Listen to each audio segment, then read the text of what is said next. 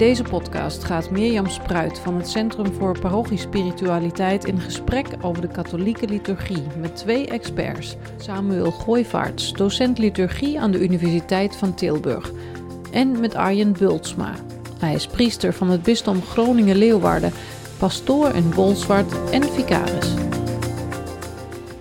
Ja, welkom uh, Sam en Arjen. Fijn om uh, weer bij elkaar te zijn voor alweer de laatste en de zevende aflevering van deze podcast Weg van de Liturgie. Uh, en we hebben in deze podcast op hoofdlijnen de opbouw van de Eucharistieviering gevolgd.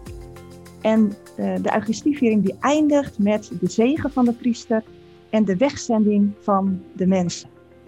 En jullie wilden het daarom ook graag deze keer hebben over de Eucharistie als zending en over de band tussen de Eucharistie en het dagelijks leven. Dit is een podcast van katholiekleven.nl in samenwerking met het Centrum voor Parochiespiritualiteit. Waarom hebben jullie dit onderwerp aangedragen? Uh, Arjan, misschien mag ik jou het woord geven. Ja, uh, graag. Het is, het is zo dat denk ik. Liturgie vieren we niet in het luchtledige. Um, voor velen zal het een, een, pak een beetje een uur op zondag zijn. Uh, en daarna heb je toch heel veel uren van je leven uh, elders. En het is natuurlijk heel belangrijk dat, dat uh, laat ik maar zeggen, ene uur in de kerk niet in een soort van luchtledige staat. Het is, de liturgie laat heel erg zien um, dat juist dat uur in de kerk op zondag, en er zullen ook heel veel mensen zijn die natuurlijk vaker ook door de week de Eucharistie vieren, maar niet te min, dat dat een uur is wat midden in het leven staat en bij het leven hoort en datzelfde leven ook mag doordringen.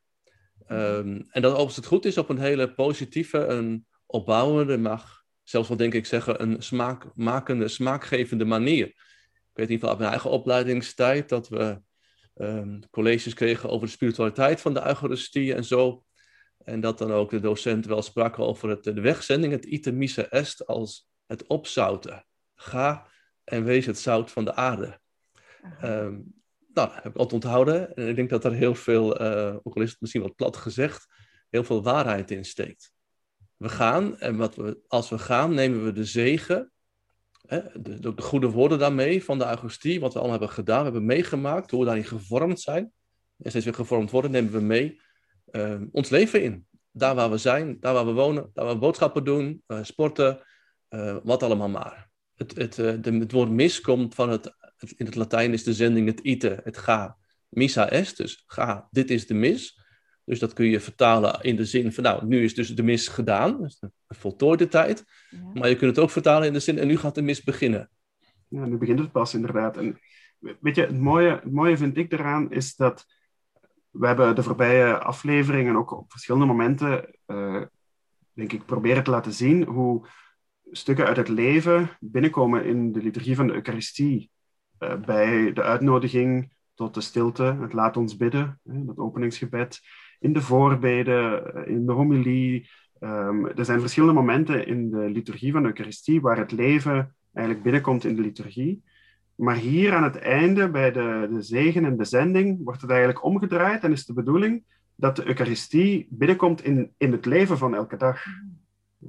En dat dus daar in die zin, zoals Arjen zegt, de mis eigenlijk verder gaat, of misschien zelfs echt begint in het, in het leven um, waar we uh, allemaal um, toe geroepen zijn. Um, dus, dus daarom dat die, het is een heel kort stukje maar van, en de, het is, ook, het is ook snel gedaan aan het einde, ja. maar het is wel heel, uh, heel belangrijk in die zin. Kun, kun je daarvan een voorbeeld geven, Sam, hoe dat dan doorwerkt in, in het dagelijks leven?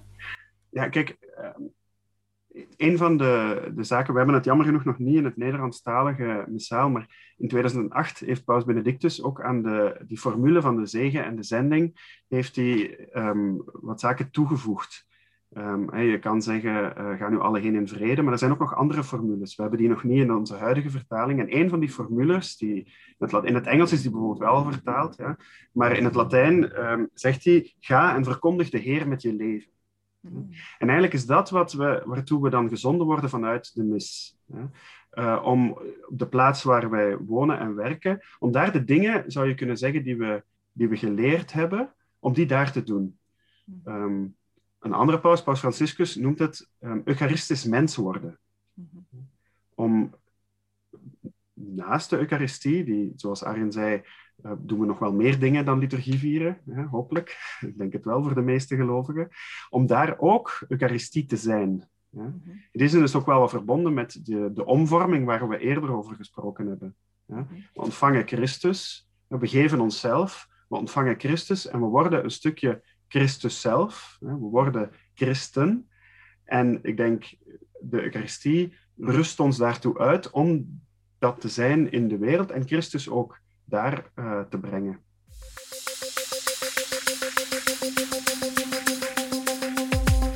Je kunt dan ook denk ik heel mooi zien hoe, het als, hoe de bedoeling is, als het de, de cultus van onze liturgie, want dat kun je ook gewoon een cultus noemen natuurlijk, in wat algemene terminologie, hoe die juist ook gevierd wordt en concreet wordt, doordat je er zelf bent, in je eigen leven meeneemt, in je eigen zorgen, je eigen dankbaarheid, je eigen... Hè, dat hebben we ook allemaal besproken op al die momenten door de liturgie heen, al, ook daar plaats voor is, en dat met elkaar verweven raakt tot, tot één geheel. En hoe dat dan, als het goed is, juist onze cultuur, dat wil zeggen onze manier van samenleven, gewoon met, met de hele mensheid, en op deze aarde, op, op, met alles wat dat ook, ook aan, aan wat ermee gegeven is hoe dat elkaar mag beïnvloeden.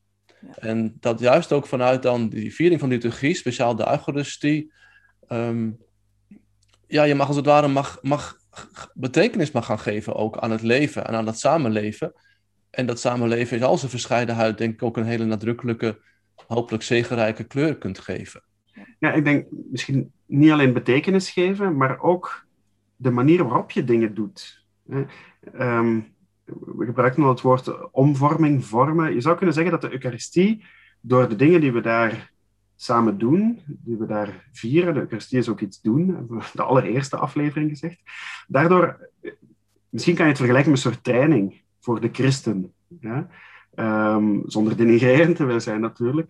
Maar we, we doen een aantal zaken in de Eucharistie. Bijvoorbeeld dankzeggen. Eucharistie is dankzeggen. Ja? Eucharistie is loven en prijzen. Eucharistie is offeren, is onszelf geven. Ja? Is ook ontvangen. En dat zijn allemaal houdingen, denk ik, die door ze wekelijks of vaker of regelmatig in elk geval te doen, samen als gemeenschap, naar God toe, naar elkaar toe. Ja? Um, dat vormt je als mens. Ik denk dat dat is wat Paus Franciscus bedoelt als hij zegt eucharistisch mens worden. Ja? Mhm.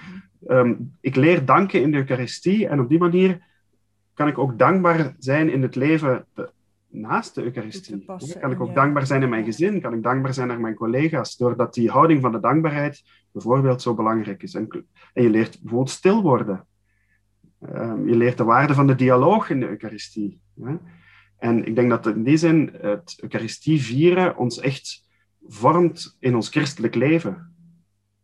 Ja. Um, het is natuurlijk een heel specifieke activiteit, ja, die heel erg geritualiseerd is enzovoort. Maar ja, in die zin kan je het vergelijken. Kardinaal Daniels, denk ik, die vergelijkt het altijd met fitnessen. Fitnessen voor, voor de ziel en voor de geest. Ja.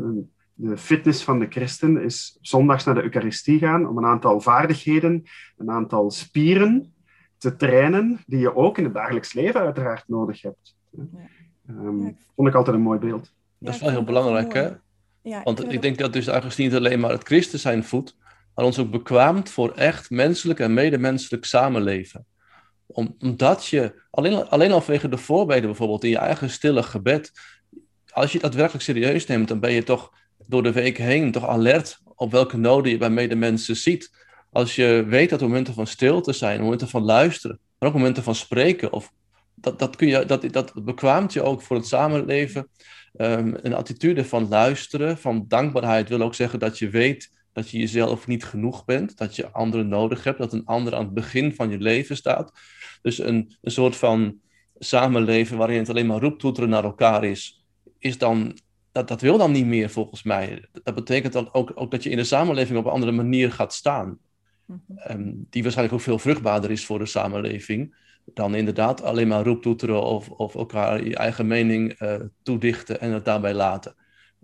Het heeft een hele, ook een hele kritische functie wat dat betreft, het samen Eucharistie vieren.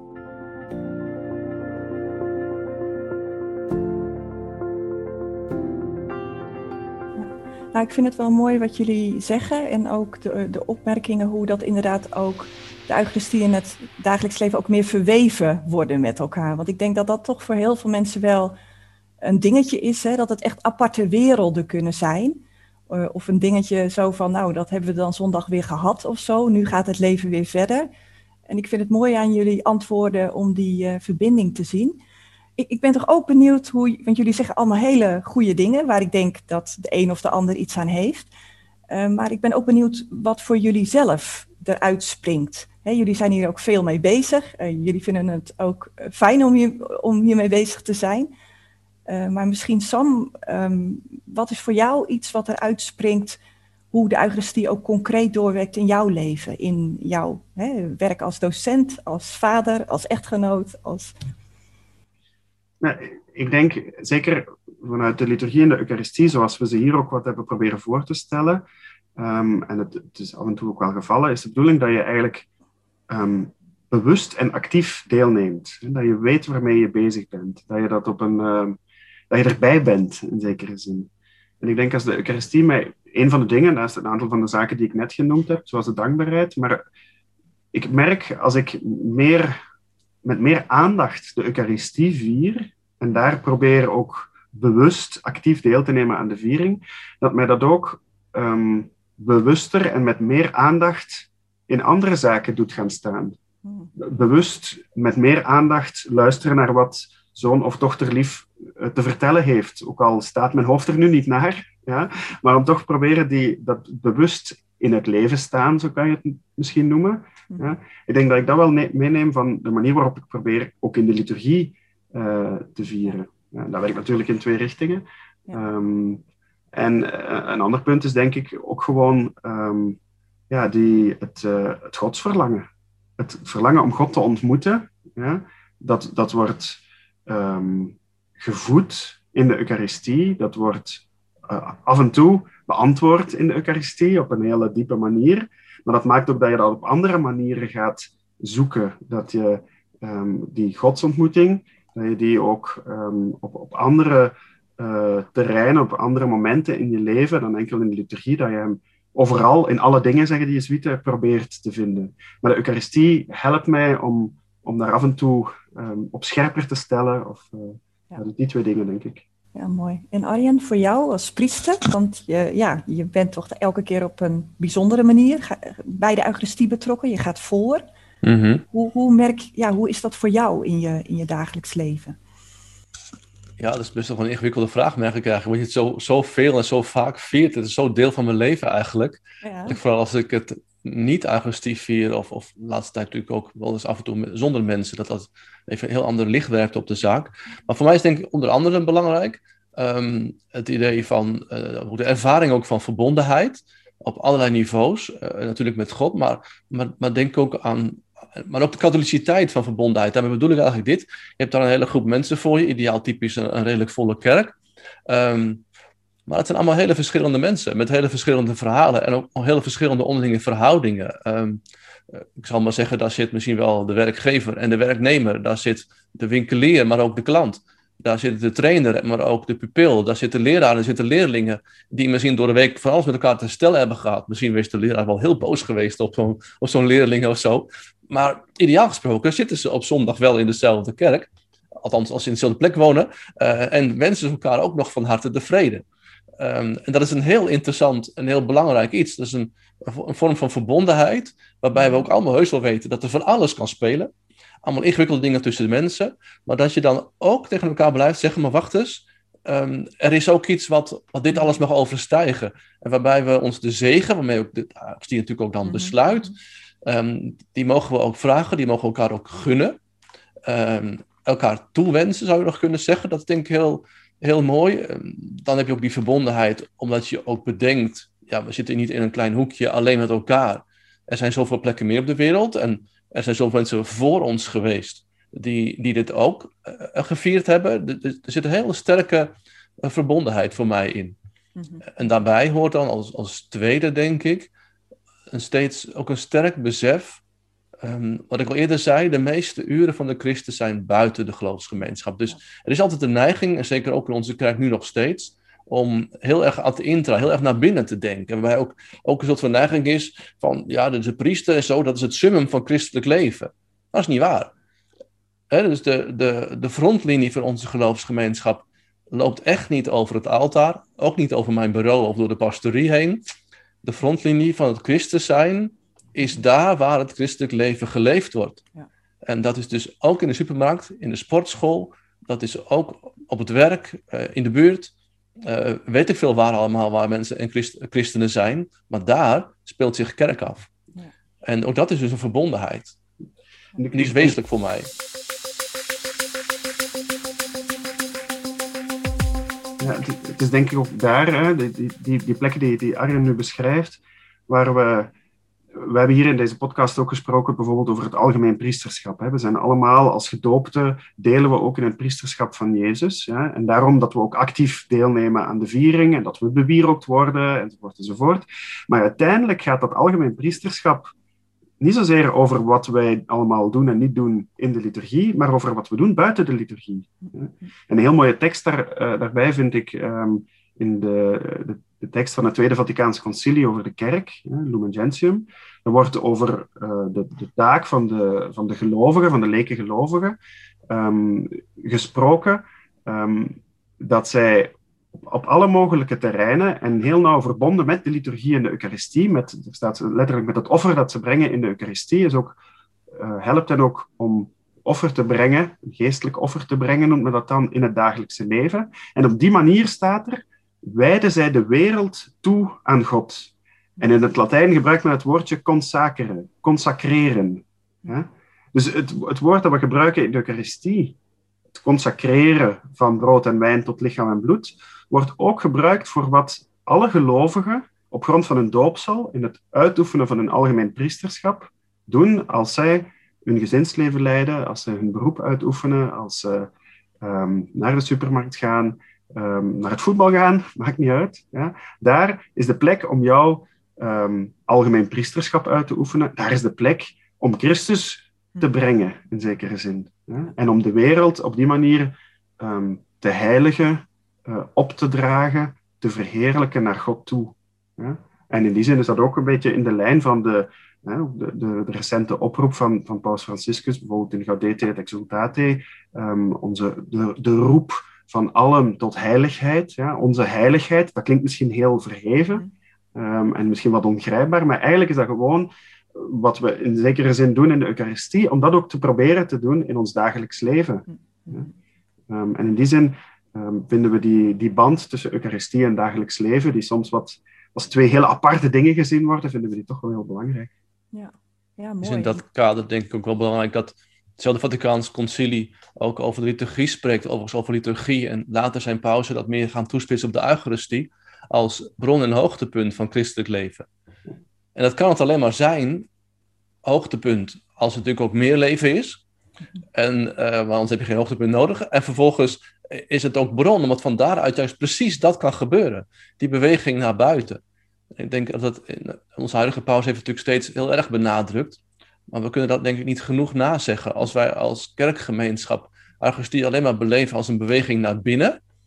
Uh, dat wil zeggen naar binnen het kerkgebouw, lekker veilig en dat soort van, uh, van veilig hoekje, wat dan misschien bijna museaal wordt. Of naar binnen, van, dat is heel persoonlijk en heel fijn in je eigen hart. Allemaal wel waar, maar het heeft alleen maar dan werkelijk zijn waarde en zijn diepste zin als het vooral een beweging naar buiten is.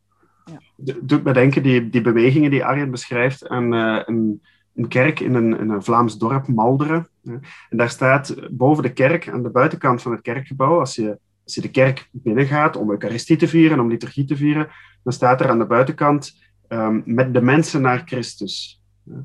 En als je dan Eucharistie viert ja, en je wordt gezegend en gezonden en gaat terug naar buiten, dan staat er aan de binnenkant boven de deur van de kerk met Christus naar de mensen.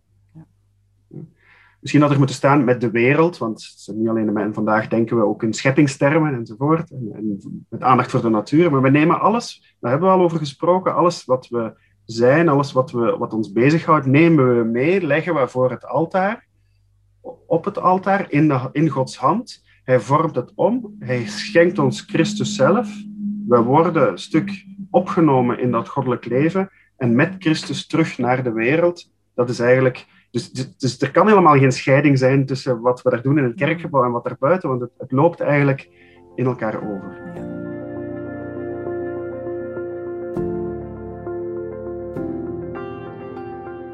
Ja, mooie dynamiek van binnen naar buiten en ook omgekeerd. En ook mooi, uh, Arjan, wat jij zegt over bron en hoogtepunt. En eh, dat hebben we ook in deze podcast, uh, ja, van verschillende kanten hebben jullie dat geprobeerd te belichten. maar we zijn hiermee ook aan het einde gekomen van deze serie van zeven podcasts over de liturgie, over de Eucharistie. Um, hebben jullie ook nu nog iets om ons op weg te zetten? Willen jullie ons iets meegeven? Arjen. In ieder geval de, de hoop dat onze luisteraars de smaak te pakken hebben gekregen. Uh, daardoorheen ook het gevoel hebben gekregen dat het gewoon leuk is, uh, dat het belangrijk is, mm -hmm. zinvol is om Eucharistie te vieren, om elkaar te komen. En mooi, ja, niet te vergeten, terechte aanvulling. Ook gewoon mooi. Overigens ook dat het dus ook belangrijk is om ons allemaal ook in te spannen om het mooi te maken. Mm -hmm. want dat is ook iets wat we elkaar moeten gunnen en voor elkaar moeten doen. en die zijn ook een uitnodiging om, uh, ja, om gewoon mee te doen. Uh, zo goed als dat gaat. Um, want juist dat hebben we denk ik ook in de eerste keer al een keer gezegd. Um, liturgie is niet alleen iets wat je krijgt, um, dat boven alles. Maar het is ook iets wat je elkaar moet gunnen. Je bent gewoon nodig. Dus we zijn welkom bij jou daar in, uh, in Friesland. Uh, wat mij betreft van harte welkom. ja, ik, denk dat, ik denk dat iedereen altijd welkom is uh, om Eucharistie te vieren. En ik zou zeggen ook in lijn van wat we daarnet uh, gezegd hebben, zou ik uh, uh, iedereen willen uitnodigen om misschien het vieren van de liturgie, het vieren van de Eucharistie te herontdekken, om de Eucharistische mens in jezelf te herontdekken, zowel in het bewust en actief deelnemen aan de liturgie, om dat ook met, misschien met wat hernieuwde aandacht en inspiratie te doen, maar om ook zeker te proberen om daar in, in je dagelijks leven God te verheerlijken, om, om daar ook een Eucharistische man, een Eucharistische vrouw proberen te zijn, maar steeds in, in verbinding met uh, wat we op zondag als gemeenschap um, met elkaar en met Christus mogen ontvangen, om dat ook in ons leven te blijven doen. En, um, ja, en ik, ik vond het ook wel los van uh, naar de luisteraar toe. Ik vond dit ook wel leuk om te doen gewoon. Uh, dus ik zou zeggen, misschien als er mensen zijn die vragen hebben of zo, dat die ook nog wel kunnen gesteld worden. Wie weet kunnen we nog wel een, een plus aflevering maken of zoiets, als Arjen nog zin heeft. Maar, ja, prima. Lijkt me leuk. En we hebben natuurlijk ook nog het boekje van uh, Paus Franciscus over de Eucharistie, Verhef je hart. Sam, wat jij ook met... Oh, ga je reclame maken weer? Ja, van commentaar hebt voorzien. Nou, ik denk als mensen meer willen weten, is dat ja. denk ik een mooi boekje ook om te lezen. Ik heb het in elk geval ook heel leuk gevonden om met jullie uh, deze gesprekken aan te gaan. Uh, mooi om jullie passie en enthousiasme ook te zien voor de Eucharistie. En het heeft mij in elk geval geholpen en ik hoop ook uh, onze luisteraars. Dus bedankt. Bedankt ook aan alle mensen die aan de totstandkoming van deze podcast verder hebben meegewerkt. en u als luisteraar bedankt en tot ziens. Dit was een podcast van katholiekleven.nl in samenwerking met het Centrum voor Parochiespiritualiteit. Bedankt voor het luisteren